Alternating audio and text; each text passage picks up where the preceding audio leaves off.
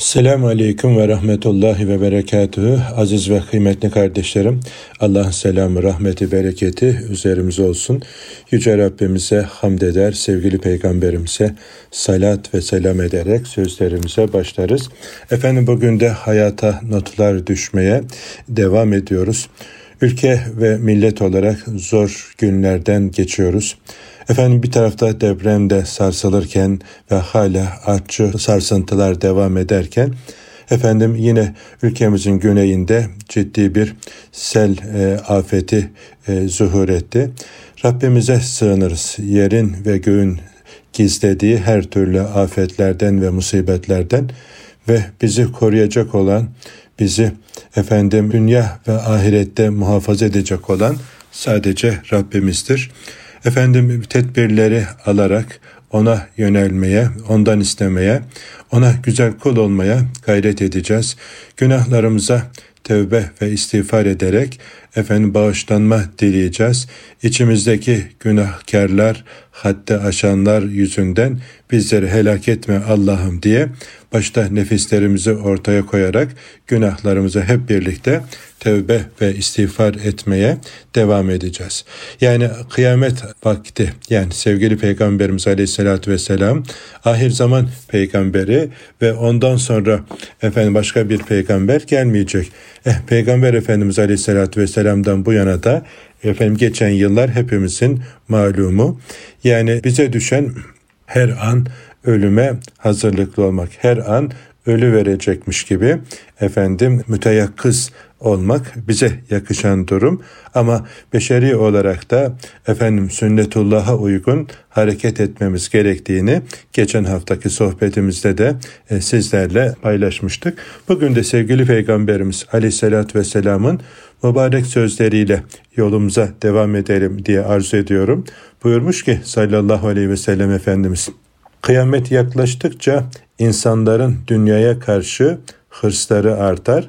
Bu durum onları Allah'tan daha da uzaklaştırır buyuruyor. Yani ahir zamanda insanların dünyaya rağbetinin artacağını ve bu dünyaya artan e, rağbetimiz sebebiyle de Allah'tan uzaklaşmaların olacağını sevgili Peygamberimiz Aleyhisselatü Vesselam bizlere haber ediyor.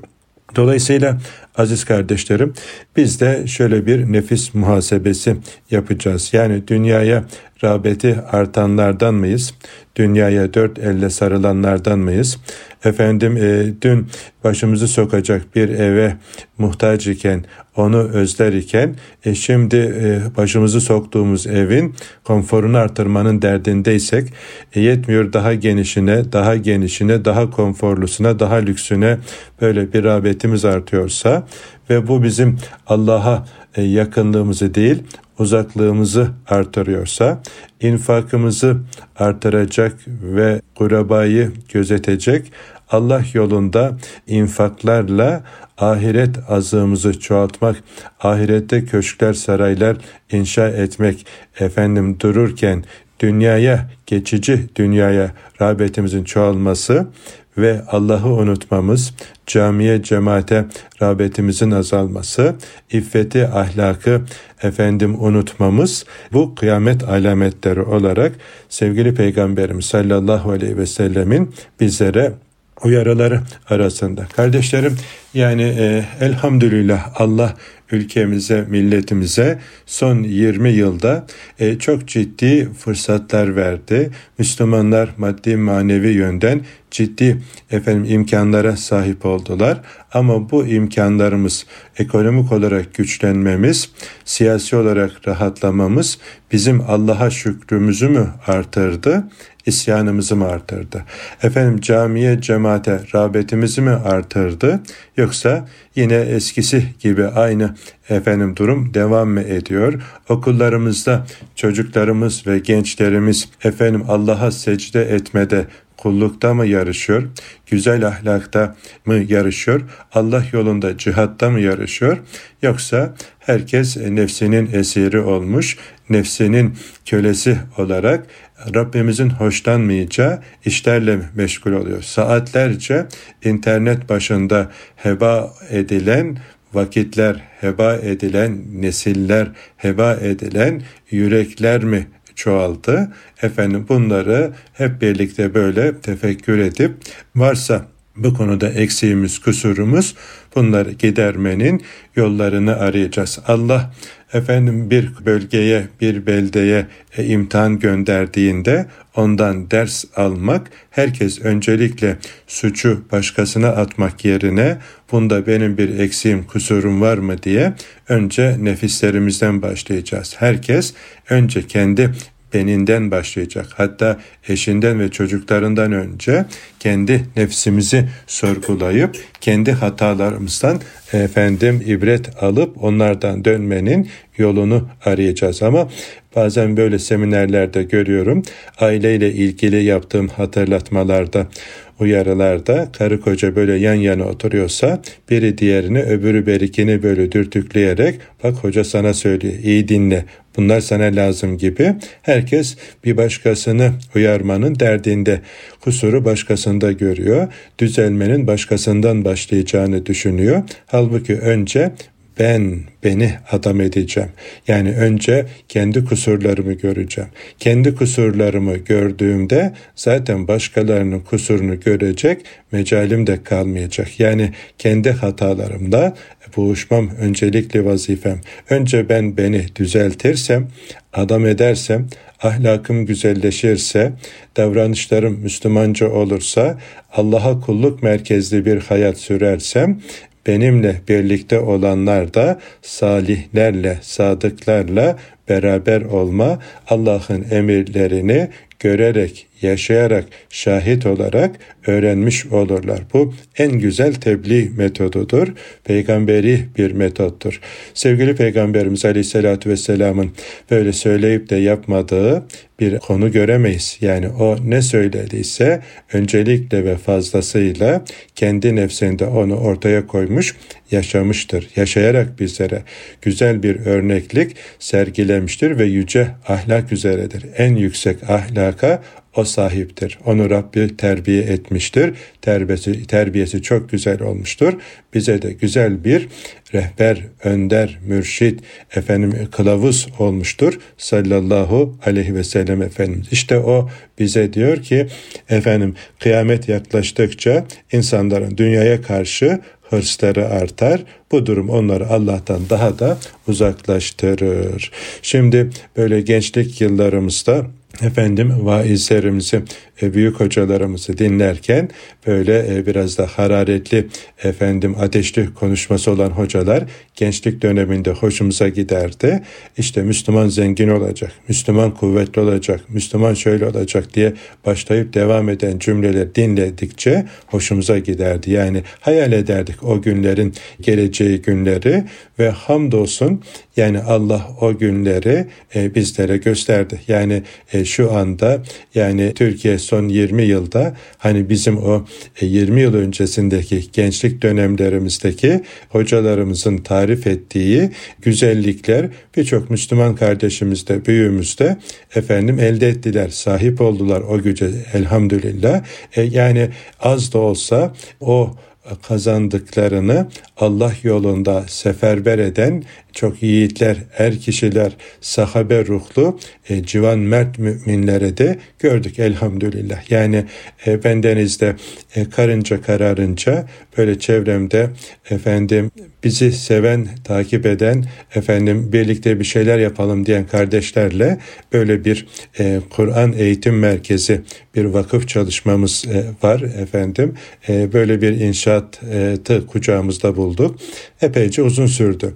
Yani o inşaatı yapma süreci ve o dönemde gördüm yani cömert e, kardeşlerle cimri kardeşlerin efendim farkını ve kimisi var gerçekten Allah için efendim cömertliği sevmiş Allah kendisine sevdirmiş. Yani elinde avucunda olanları, kolunda boynunda olanları bu yola infak eden kardeşlerime şahit oldum.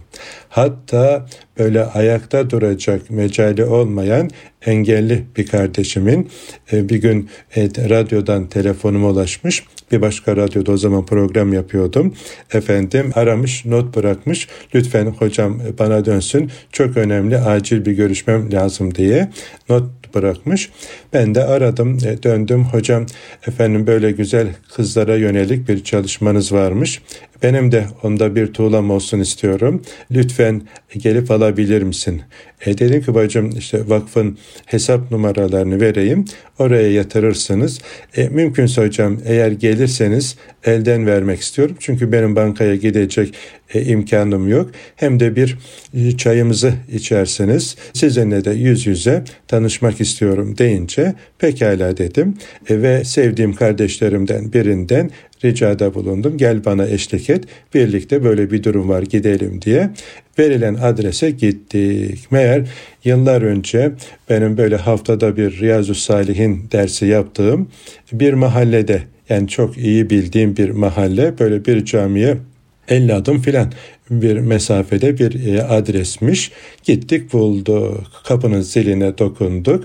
Efendim böyle duvara yaslanan, tutunarak ayakta durabilen bir hanımefendi kardeşim. İşte yanında da yetişkince evladı e, var. İçeriye girdik. Ve e, yine tutuna tutuna kapıyı efendim örttü ve tutuna tutuna duvarlara yanımıza geldi oturdu.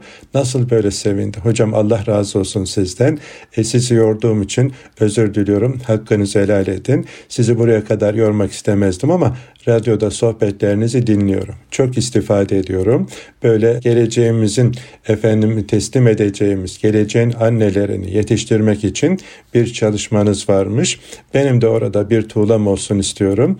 Hem de sizinle böyle yüz yüze görüşmekti muradım. Geldiğiniz için Allah razı olsun diye böyle bir girdi ama ben görünce perişan oldum. Yani o kardeşimin o halini sonra biraz da meseleyi anlayınca daha da böyle yani ne diyeyim tarifi güç bir duygular yaşadım. Kabul etsem efendim yüreğim e, sızlıyor. Kabul etmesem o kardeşim e, mahzunlaşacak, yüreği sızlayacak. Sükut ettim. Dedik hocam bu babamdan e, bir miktar bize miras kaldı. Kara gün için saklıyordum. Sizin de böyle bir çalışmanız olduğunu duyunca bu efendim elimdeki babamdan bana gelen mirası hem benim için hem babam ve annem için bir ahiret azı olsun, ebedilesin diye bunu size efendim takdim ediyorum. Lütfen kabul buyurun. E, benim de azımı efendim çoğa sayın filan dedi. Böyle perişan oldum. Yani o kardeşimin samimiyetine, ihlasına hayran oldum, bayıldım aziz kardeşlerim. Yani evinin durumuna bakılırsa hani kendinin de efendim e, ihtiyacı olan e, harcasa çok rahat harcayabilecekken onu böyle saklamış ve ebedileştirmek için Allah yolunda sarf ediyor. Ama öbür tarafta efendim bir holdingin efendim yönetim kurulu başkanı yani böyle bizi de çok sever arada bir arar hayır dua eder. Ahmet kardeşim çalışmalarınızı gıptayla izliyorum size dua ediyorum ne güzel iş yapıyorsunuz diye.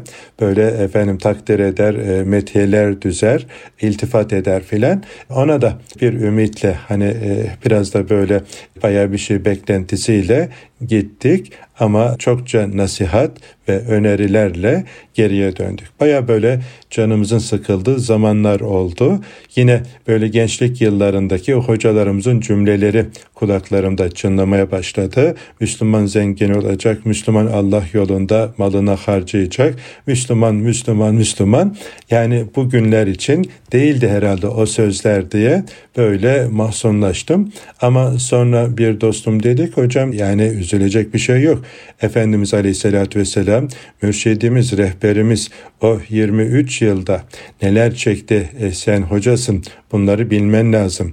Yani o peygamber olarak bunları yaşadıysa e, sen de yaşayacaksın. Hep beraber bunları göreceğiz. Üzülme bunlar fakirlerin o samimi ihlaslı kuruşları zenginlerin de hayır duaları ile bu hizmetler olur. Üzülme yani Allah adına yapılan hiçbir çalışma yarım kalmamıştır diye bir cümle kullandı. Yani o da gerçekten kulağıma küpe oldu ve sonra elhamdülillah her zorlukla beraber bir kolaylık olduğunu müjdeleyen Rabbimizin müjdesinin canlı şahidi olduk elhamdülillah ve e, şimdi çok güzel çok böyle efendim e, nadide bir mekan ortaya çıktı. Elhamdülillah güzel hizmetler yapıyoruz. Güzel kızlarımız orada yetiştiriyoruz. Efendim e, geleceğin Hazreti Hatice annemiz gibi böyle eşine sadık, imanda zirve, güzel ahlakta örnek, efendim anneliği kariyere tercih eden kocaya itaati ibadet bilen, efendim çocukların annesi olmayı, efendim en kıymetli işte çalışmaktan gelecek nesilleri inşa etmeyi tercih edenlere yetiştirme gibi böyle bir hayalle, heyecanla bu çalışmaları yürütüyoruz ve gördük ki aziz kardeşlerim az önceki hadisi şerif Efendimizin yani bugünlere ışık tutan efendim mucizevi sözlerinden bir tanesi. Kıyamet yaklaştıkça insanların dünyaya karşı hırsları artacak. Yani e, bugün elhamdülillah dün yine böyle e, birçok kardeşimizin evlerinde sohbetler yapardık. O 28 Şubat sürecinde böyle gizli kaçamak efendim ha baskın yedik ha yiyeceğiz filan diye böyle zikir yaparken ya da sohbet yaparken sesimizi çok fazla yükseltmeyelim şikayet olmasın diye tedbirler aldığımız o dönemde böyle 60 metrekare 70 metrekare 80 metrekare evlerde 15-20 kişi 30 kişi hatta daha fazla böyle kalabalık kardeşlerle dersler yaptığımız günleri hatırlıyorum. Cemaatle böyle namaz kıldık o evlerde, o küçücük evlerde. Ama ne tatlı, ne feyizli, ne bereketli günlerdi o günler. Şimdi efendim o 70-80 metrekare evde oturan müminler şimdi 150-200 metre daha üzerinde imkanlar elde edenler oldu. O gruplar içerisinden yine onlardan birinin böyle evine 200 küsür metrekare eve taşındı. Hayırlı olsuna gittik o sohbet grubunun efendim müdavimlerine 6-7 arkadaş birlikte 7 arkadaş efendim 40 metrekare e, salonda cemaatle namaz kalacak bir yer bulmakta zorlandık. Yani eşyalar oturmuş. E, bir kere salonun yarısında yemek masası ve sandalyeler oturuyor. Efendim tam böyle ortada kocaman bir sehpa. E, bir erkek bile tek başına kaldıramaz. Adamı fıtık eder. Yani karı koca çekecek olsa yine sıkıntı. O oturuyor ortada. Yani koltuklar baş köşeye zaten dizilmişler. 40 küsür metrekare salonda 7 kardeş şöyle omuz omuza durup cemaatle rahat bir şekilde namaz kılacak bir yer bulamadı. Demek ki kıyamet yaklaştıkça insanların dünyaya karşı hırsları artar. Bu durum onları Allah'tan daha da uzaklaştırır buyuruyor sevgili peygamberimiz. Şimdi o koşuşturma içerisinde efendim haram helal hassasiyetini bırakarak ki bir hocamızın böyle e, canhıraş bir şekilde feryadı böyle Müslümanları temsil eden bir sivil toplum kuruluşunda bile efendim yüzde doksanının ya da doksan beşinin faizle iştigal ettiği iddiası böyle tüylerimi diken diken etti. Yani eğer e, gerçekten bu durum böyleyse Efendimiz Aleyhisselatü Vesselam'ın bu mübarek sözü e, tecelli etmiş. Bunu efendim e, şahit olduğumuz bir dönem Allah bizlere insaf versin, ıslah eylesin, bizlere aklımızı başımıza toplayıp bir an önce o gaflet uykusundan uyandırsın diye dua ediyoruz ve bu konuda Rabbimiz bizi nefislerimize bir göz yumup açıncaya kadar bile baş başa bırakmasın diyerek efendim kısa bir ara veriyoruz. İkinci bölümde kaldığımız yerden devam edeceğiz. Huzur bulacağınız ve huzurla dinleyeceğiniz bir frekans. Erkam Radyo, Kalbin Sesi. Kıymetli kardeşlerim, Hayata Notlar programımıza kaldığımız yerden devam ediyoruz. Bu bölümde de sevgili peygamberimizin şu mübarek sözüyle yolumuza devam edelim. Kime ilmi fayda vermiyorsa cehaleti zarar verir. Kur'an'ı kötülüklerden alıkoyacak şekilde oku. Eğer o seni kötülüklerden alıkoymuyorsa sen onu okumuş sayılmazsın diyerek sevgili peygamberimiz bizleri uyarıyor. Kime ilmi fayda vermiyorsa, eh, yani öğrendiklerine amel etmiyorsa, nefsince hareket ediyorsa, eh, suyun üzerindeki bir yaprak gibi savrulmaya ya da sürüklenmeye devam edecektir. El aleme göre, canının istediğine göre, çevresinden gördüğü, uygulaya geldiği yanlış şeylere devam edecektir. Bazen böyle efendim biz atalarımızı bu şekilde gördük. Sen bize atalarımızın taptığına tapmaktan efendim engel mi olmak istiyorsun diye hani Kur'an'da Rabbimiz örnek verdi ya bizden önceki kavimlerden bugün de benzerlerini görüyoruz. Efendim e, böyle İmam Hatip e, son sınıftayken yeni yeni böyle şuurlanmaya başladık. Kitaplar okuyoruz. Hocalarımızın bir iki tane hocamız Allah onlardan ebeden razı olsun. Böyle elimizden tutmuş. Bizlere ayet okuyor, hadis okuyor. Onlara göre böyle hayatımızı nasıl şekillendireceğiz diye gençliğin verdiği heyecanla bir şeyler yapmaya çalışıyoruz. İşte o bir şeyler yapma heyecanı içerisinde de ister istemez tabii çevreyle efendim aramız açılıyor. Yani haram helal hassasiyeti olunca e, bu defa bazı şeyleri yapmaman gerekiyor. Bazı şeylere dört elle sarılman gerekiyor. E, bu da bulunduğun ortamda dikkat çekebiliyor. Böyle e, işte bunlardan bir tanesi de e, sakal bırakmaya niyetlendik. Sakal bırakmak kuvvetli bir sünnet.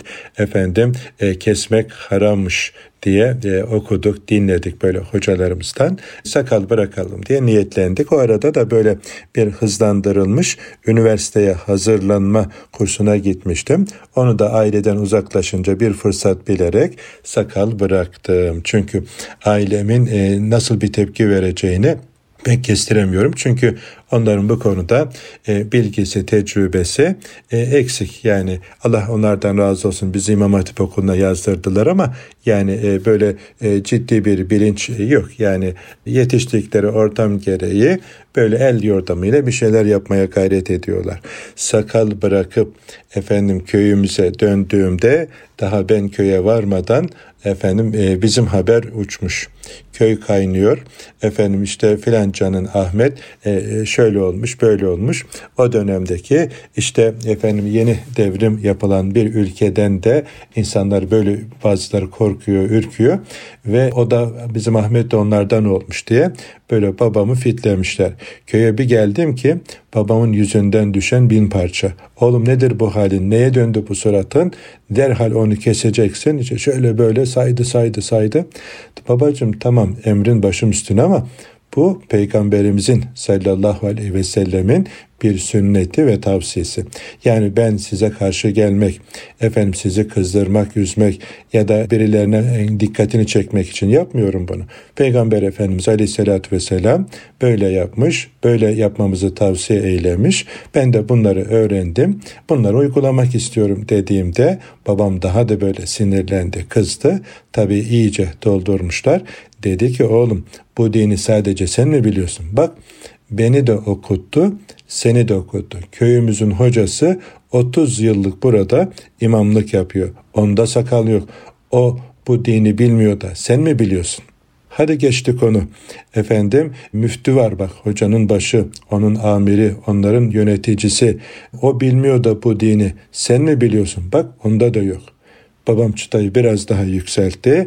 Efendim bu müftülerin de bağlı olduğu hepsinin sorumlusu devletimiz adına bunların en tepesindeki Diyanet İşleri Başkanımız efendim sakal bırakmıyor. Bu dini bunlar bilmiyor, yaşamıyor da sen iki gün okula gitmekle bu dini sen mi öğrendin? E, onlar bilmiyor da sen mi biliyorsun diye babam saydı, saydı, saydı. E baktım anlatabilecek gibi değilim, sükut ettim.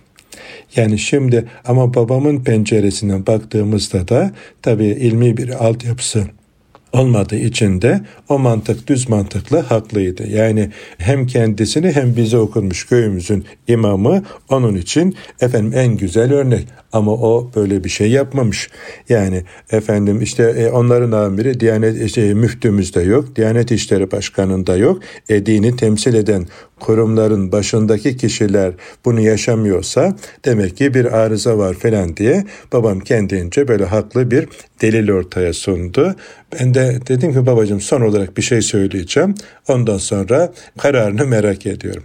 Hocamız peygamberimizin bu sünnetini yaşamıyorsa, müftümüz yaşamıyorsa, Diyanet İşleri Başkanımız yaşamıyorsa, babacığım bak kitapta okudum, işte şu hadis kitabında Efendimizin şu mübarek sözüdür diye e, söylediysem de tabi babamı ikna etmede o zaman başarılı olamadım. Sonra çok kıymetli e, üstadımdan efendim e, bu konuda ne yapmam gerektiğinde efendim sordum, istişare ettim. Yavrum anlayıncaya kadar, anlatıncaya kadar onlarla iyi geçinmeye çalış diye böyle efendim yuvarlak bir cevap verdi. Annenin babanın sözünü dinle. Efendim onları ikna etmeye çalış. Sen güzel ahlakınla, güzel örnekliğinle inşallah zaman içerisinde onları ikna edersin diye böyle hayır dualar etti. Ama o 5-6 ay ne çektiğimi bir ben bilirim bir de Rabbim yani Rabbim bilir. Şimdi aziz kardeşlerim kime ilmi fayda vermiyorsa cehaleti ona zarar verir. Hadisi şerifi bana bunları hatırlattı. Bugün de yani bir gün yine İstanbul'da Beylikdüzü'nde bizi takip eden bir hanımefendi kardeşim apartmandaki hanımları toplamış bizi böyle bir e, namazla ilgili yaptığımız çalışmaları takip ettiği için davet etti. Hocam bizim sitedeki hanımlarla böyle arada bir bir araya geliyoruz, gün yapıyoruz. Böyle bir güne sizi de davet etti ederek onlara namaz anlatmanızı istiyorum dedi. Bir gittim ki tam böyle davet edilecek, davete muhtaç bir ortama gittiğimi asansördeki binanın girişindeki ve o toplantı toplantı salonundaki efendim resimleri görünce dedim tam yerine gelmişiz. Yani sanki böyle efendim bir tarih müzesi gibi ülkemizin kurucusunun resimleri oralarda asılmış. Dedim tam yerine geldik elhamdülillah. Tabii o toplantı salonuna girdik ki kılık kıyafete bakılınca da yani gerçekten zor bir davet mekanında olduğumuz iyice pekişti. Kılık kıyafet tabi İslam'a uymayan kıyafetler çok fazla. Ya Rabbi yardım eyle. Yani e, ateş hattındayım. Sen yardım etmezsen e, bir şey beceremem. E, dilimin bağını çöz. ihlasımızı artır. Bize samimiyet ver. Dinleyen kardeşlerime de ön yargısız, samimi bir şekilde dinlemelerini nasip eyle diye böyle dua ederek söze başladım. Becerebildiğim kadarıyla sunumumu yaptım. Sonunda e, hocam soru sormaya müsaade var mı dediler. E, dedim sorabilirsiniz. Her soruya cevap veremem, her şeyi bilmem. Ama bildiğim yerlerden çıkarsa cevaplarım bilmediklerimizi de ben de tespit eder öğrenmiş olurum filan diye girdik söze. Hanımefendi kardeşlerden bir tanesi parmak kaldırdı. Hocam Kur'an'da başörtüsü emri var mı diye girdi söze. Niye? Filanca hoca yok diyor. Filanca hoca böyle söylüyor. Kafamız karıştı neye göre efendim hareket edeceğimiz noktasında bilgi e, şey bir karar veremedim dedi. Dedim ki hanımefendi kardeşim sen e, bu to, efendim neye inanırsın? Yani hangi kurumun efendim bilgileri senin için bağlayıcı olur. Diyanet İşleri Başkanlığımızın hazırladığı efendim e, Kur'an mealinden örnek versem olur mu? Olur hocam dedi. Çünkü efendim Diyanet İşleri Başkanlığımızın hazırladığı birkaç tane Kur'an-ı Kerim meali var. Onlardan bir tanesi de heyet olarak Marmara Üniversitesi İlahiyat Fakültesindeki hocalarımızın hazırladığı kıymetli bir heyetin e, mealidir. Ben size oradan örnek vereceğim. Lütfen onu alın bakın. Efendim orada işte Nur suresi 31. Ahzab suresinin 59. ayetlerine bakmanızı rica ediyorum. Lütfen bunları not edin. Bahsettiğim efendim birbirinden kıymetli hocalarımızın derlediği, efendim ortaya koyduğu Kur'an-ı Kerim mealine bakmanızı rica ediyorum. Hocam ben size Kur'an'da var mı diye soruyorum. Güzel kardeşim işte Kur'an'da olup olmadığını şimdi Ahmet Bulut kardeşim var dese var olmayacak, yok dese yok olmayacak. Filanca hoca var demesiyle var olmayacak, yok demesiyle yok olmayacak. Senden ricam lütfen Efendim bu bahsettiğim e, meale bak ya da Elmalı Hamdi Yazır hocamızın efendim o da yine birçok kimse tarafından itimat edilen güvenilir kıymetli bir alimimizdir. İstersen onun mealine tefsirine bak diye böyle örnekler verdiysem de o yine benim kanaatimi soruyor. Yani Ahmet'in Mehmet'in kanaatinden ziyade Allah ne diyor bu konuda, Resulullah ne diyor bu konuda bizim genel prensibimiz olmalı ama cehaletimiz başa bela. Bana göre şöyle diye söze giriyor. Şimdi bir cinayet işleniyor. Gazetelerde, televizyonlarda günlerce, saatlerce o konu konuşuluyor. En yetkilisinden en yetkisizine kadar. Efendim kurulan cümle şu.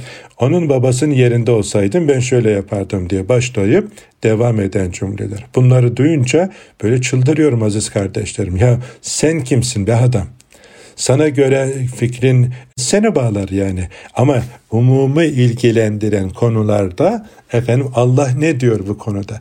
Bir Allah'ın kulu da çıkıp da ya Allah Celle Celaluhu böyle bir olay karşısında ne yapmamız gerektiğini bize kitabımızda öğretmiş mi öğretmemiş mi? Şuna bir bakalım bu konularda sevgili Peygamberimiz sallallahu aleyhi ve sellem nasıl hareket etmiş? Şuna bir bakalım denmesi gerekirken onun babasının yerinde ben olsaydım şöyle yapardım böyle yapardım. İşte bu cehaletin efendim çukurluğudur aziz kardeşlerim. Yoldan sapmanın bir neticesi.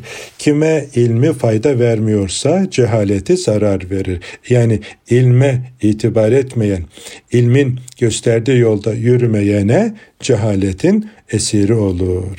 O asıl cahillik diploma elden mahrum olmak değil, Allah'ı ve Allah'ın emirlerini bilmemektir.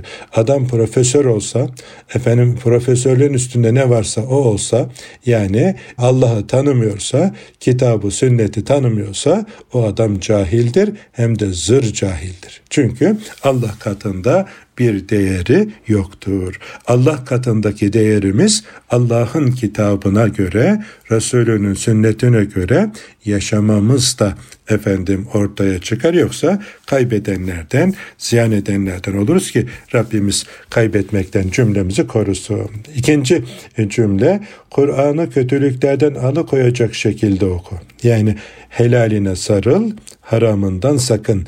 Efendim haramlarından kendini uzak tutmaya gayret et. Yani öyle sadece ölülerin ruhuna okuyup üfleme. Ders geçmek için, efendim sınıf geçmek için, iyi bir not almak için değil, helalini helal bilip, haramını haram bilip, efendim ona göre yaşayacak şekilde kendine oku, başkalarına değil. Önce senin içindir bu okudukların, benim içindir, bizim içindir. Yani bu bizim dünya ve ahiret huzur ve refah kitabımız, mutluluk reçetemiz. Dünya ve ahiretin güzelliklerine kavuşmanın yolu bu kitabın emirlerine uymaktan geçiyor. E şimdi mübarek Ramazan-ı Şerif geliyor. Haftaya Ramazan-ı Şerif'te efendim programımızı icra etmiş olacağız. Ramazan'dan önceki son programımız. İşte efendim Ramazan-ı Şerif'te de hepimizin ortak yapacağı ibadetlerden bir tanesi Kur'an-ı Kerim okumak, mukabelelere katılmak.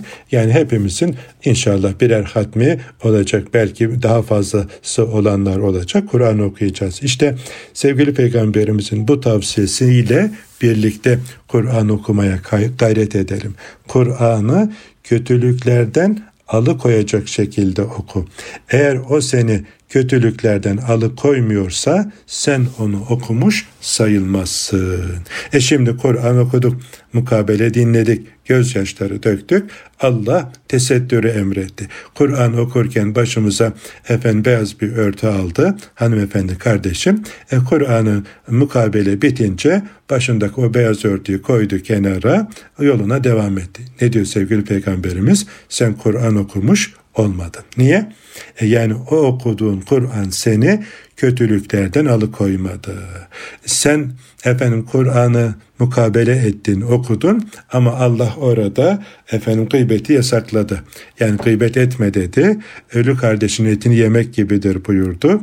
E sen daha Kur'an'ı efendim mukabeleyi bitirir bitirmez okuyan hocanın sesiyle efendim okuyuş tarzı aleyhine konuşmalar başlattın ya da seninle beraber yanında bulunan kardeşini incitecek sözler söyledin. E şimdi sen Kur'an okumadın.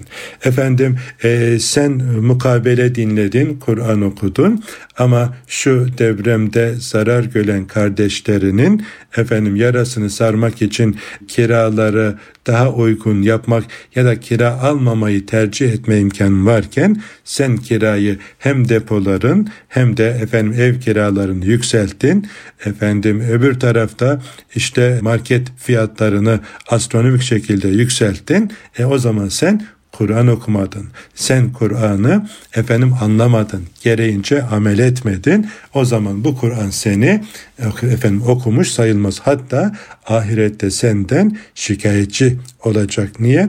Gereğince amel etmediğinden dolayı. Daha örnekleri çoğaltabiliriz. Öyleyse bu sene mukabele ederken, Kur'an okurken efendim onun helalini öğrenelim, haramını öğrenelim, helaline dört elle sarılalım, haramından da sakınmaya gayret edelim. Kendimize okuyalım, kendimizi düzeltmeye gayret edelim, kendi eksiklerimizi tespit ederek onları bir bir gidermenin yolunu arayalım aziz kardeşlerim. Bunu yaparsak eh, ölüme hazırlıklı oluruz. Ölüm acısını biraz daha kolay atlatmak için samimi, kaliteli bir mümin olmaya gayret ederim. Yani e, güzel yaşayınca Allah kişiye vefat etmeden önce gideceği yeri gösterirmiş de e, şimdi cennete gidecek olan cennetteki yerini gören bir insan için yani ölüm tatlı bir hal alır. Bir an önce kavuşmak için can atar. Ama gideceği yer kötüyse efendim e, kötü gideceği yeri gördüyse o insan hali de ne kötü olur. Yani ölümden kaçışımız yok. Burada ebedi değiliz. Burada misafirhanedeyiz. Öyleyse aziz ve can kardeşlerim ebedi hayata hazırlanabilmeyi Rabbimiz hepimize nasip eylesin. Yani kitabımızı şu mübarek Ramazan-ı Şerif'te belki son Ramazanımız olur. Yani 50 bin civarında kardeşimiz bak bu Ramazan'a kavuşamadılar. Yani deprem bölgesinde nice kardeşlerimin de hevesleri vardı, hayalleri vardı, idealleri vardı. Kimisi üniversite sınavına çalışıyordu. Kimisi KPSS sonuçlarını bekliyordu. Kimisi atanmayı, kimisi EYT'den emekli olup şöyle efendim emekliliğin tadını çıkarmayı, kimisi sözlendiği, nişanlandığı kişiyle evlilik hayalleri kuruyordu. Herkesin bir hayali vardı. Kimisi torun bekliyordu. Kimisi evladını kucağına almanın efendim sevincini efendim yaşıyordu ama e, hepsi bundan mahrum oldu. Eh yani yarına bizim ne olacağımızın garantisi yok. Yani deprem olsa da olmasa da, sel felaketi olsa da olmasa da vaat edilen vakit geldiğinde hepimiz buradan göçeceğiz. Öyleyse akıllı insan ahireti için hazırlanan, orası için güzel yatırımlar yapan kimsedir. Benim babam diyor yastık altına, yer altına yatırım yapardı diyor. Abdülmetin Balkanlıoğlu hocamızın oğlu yastık altına yaptığı yatırımlar neymiş? Efendim Mekke'de, Medine'de böyle haremeynin dışında yatan garibanların yastıkların altına sadakaları sıkıştırıverirmiş. Yani ahiret yatırımı, yer altına yatırım yapan, ebedi hayatına yatırım yapan kimseler oluyor. Allah bizi de bu konuda başarılı ve muvaffak eylesin. Sevgili Peygamberimizin bu mübarek iki sözünü serlevha edinip gereğince yaşayabilmeyi hepimize nasip eylesin. Haftaya aynı saatte buluşuncaya kadar Allah'a emanet olunuz. Esselamu Aleyküm ve Rahmetullahi ve Berekatuhu.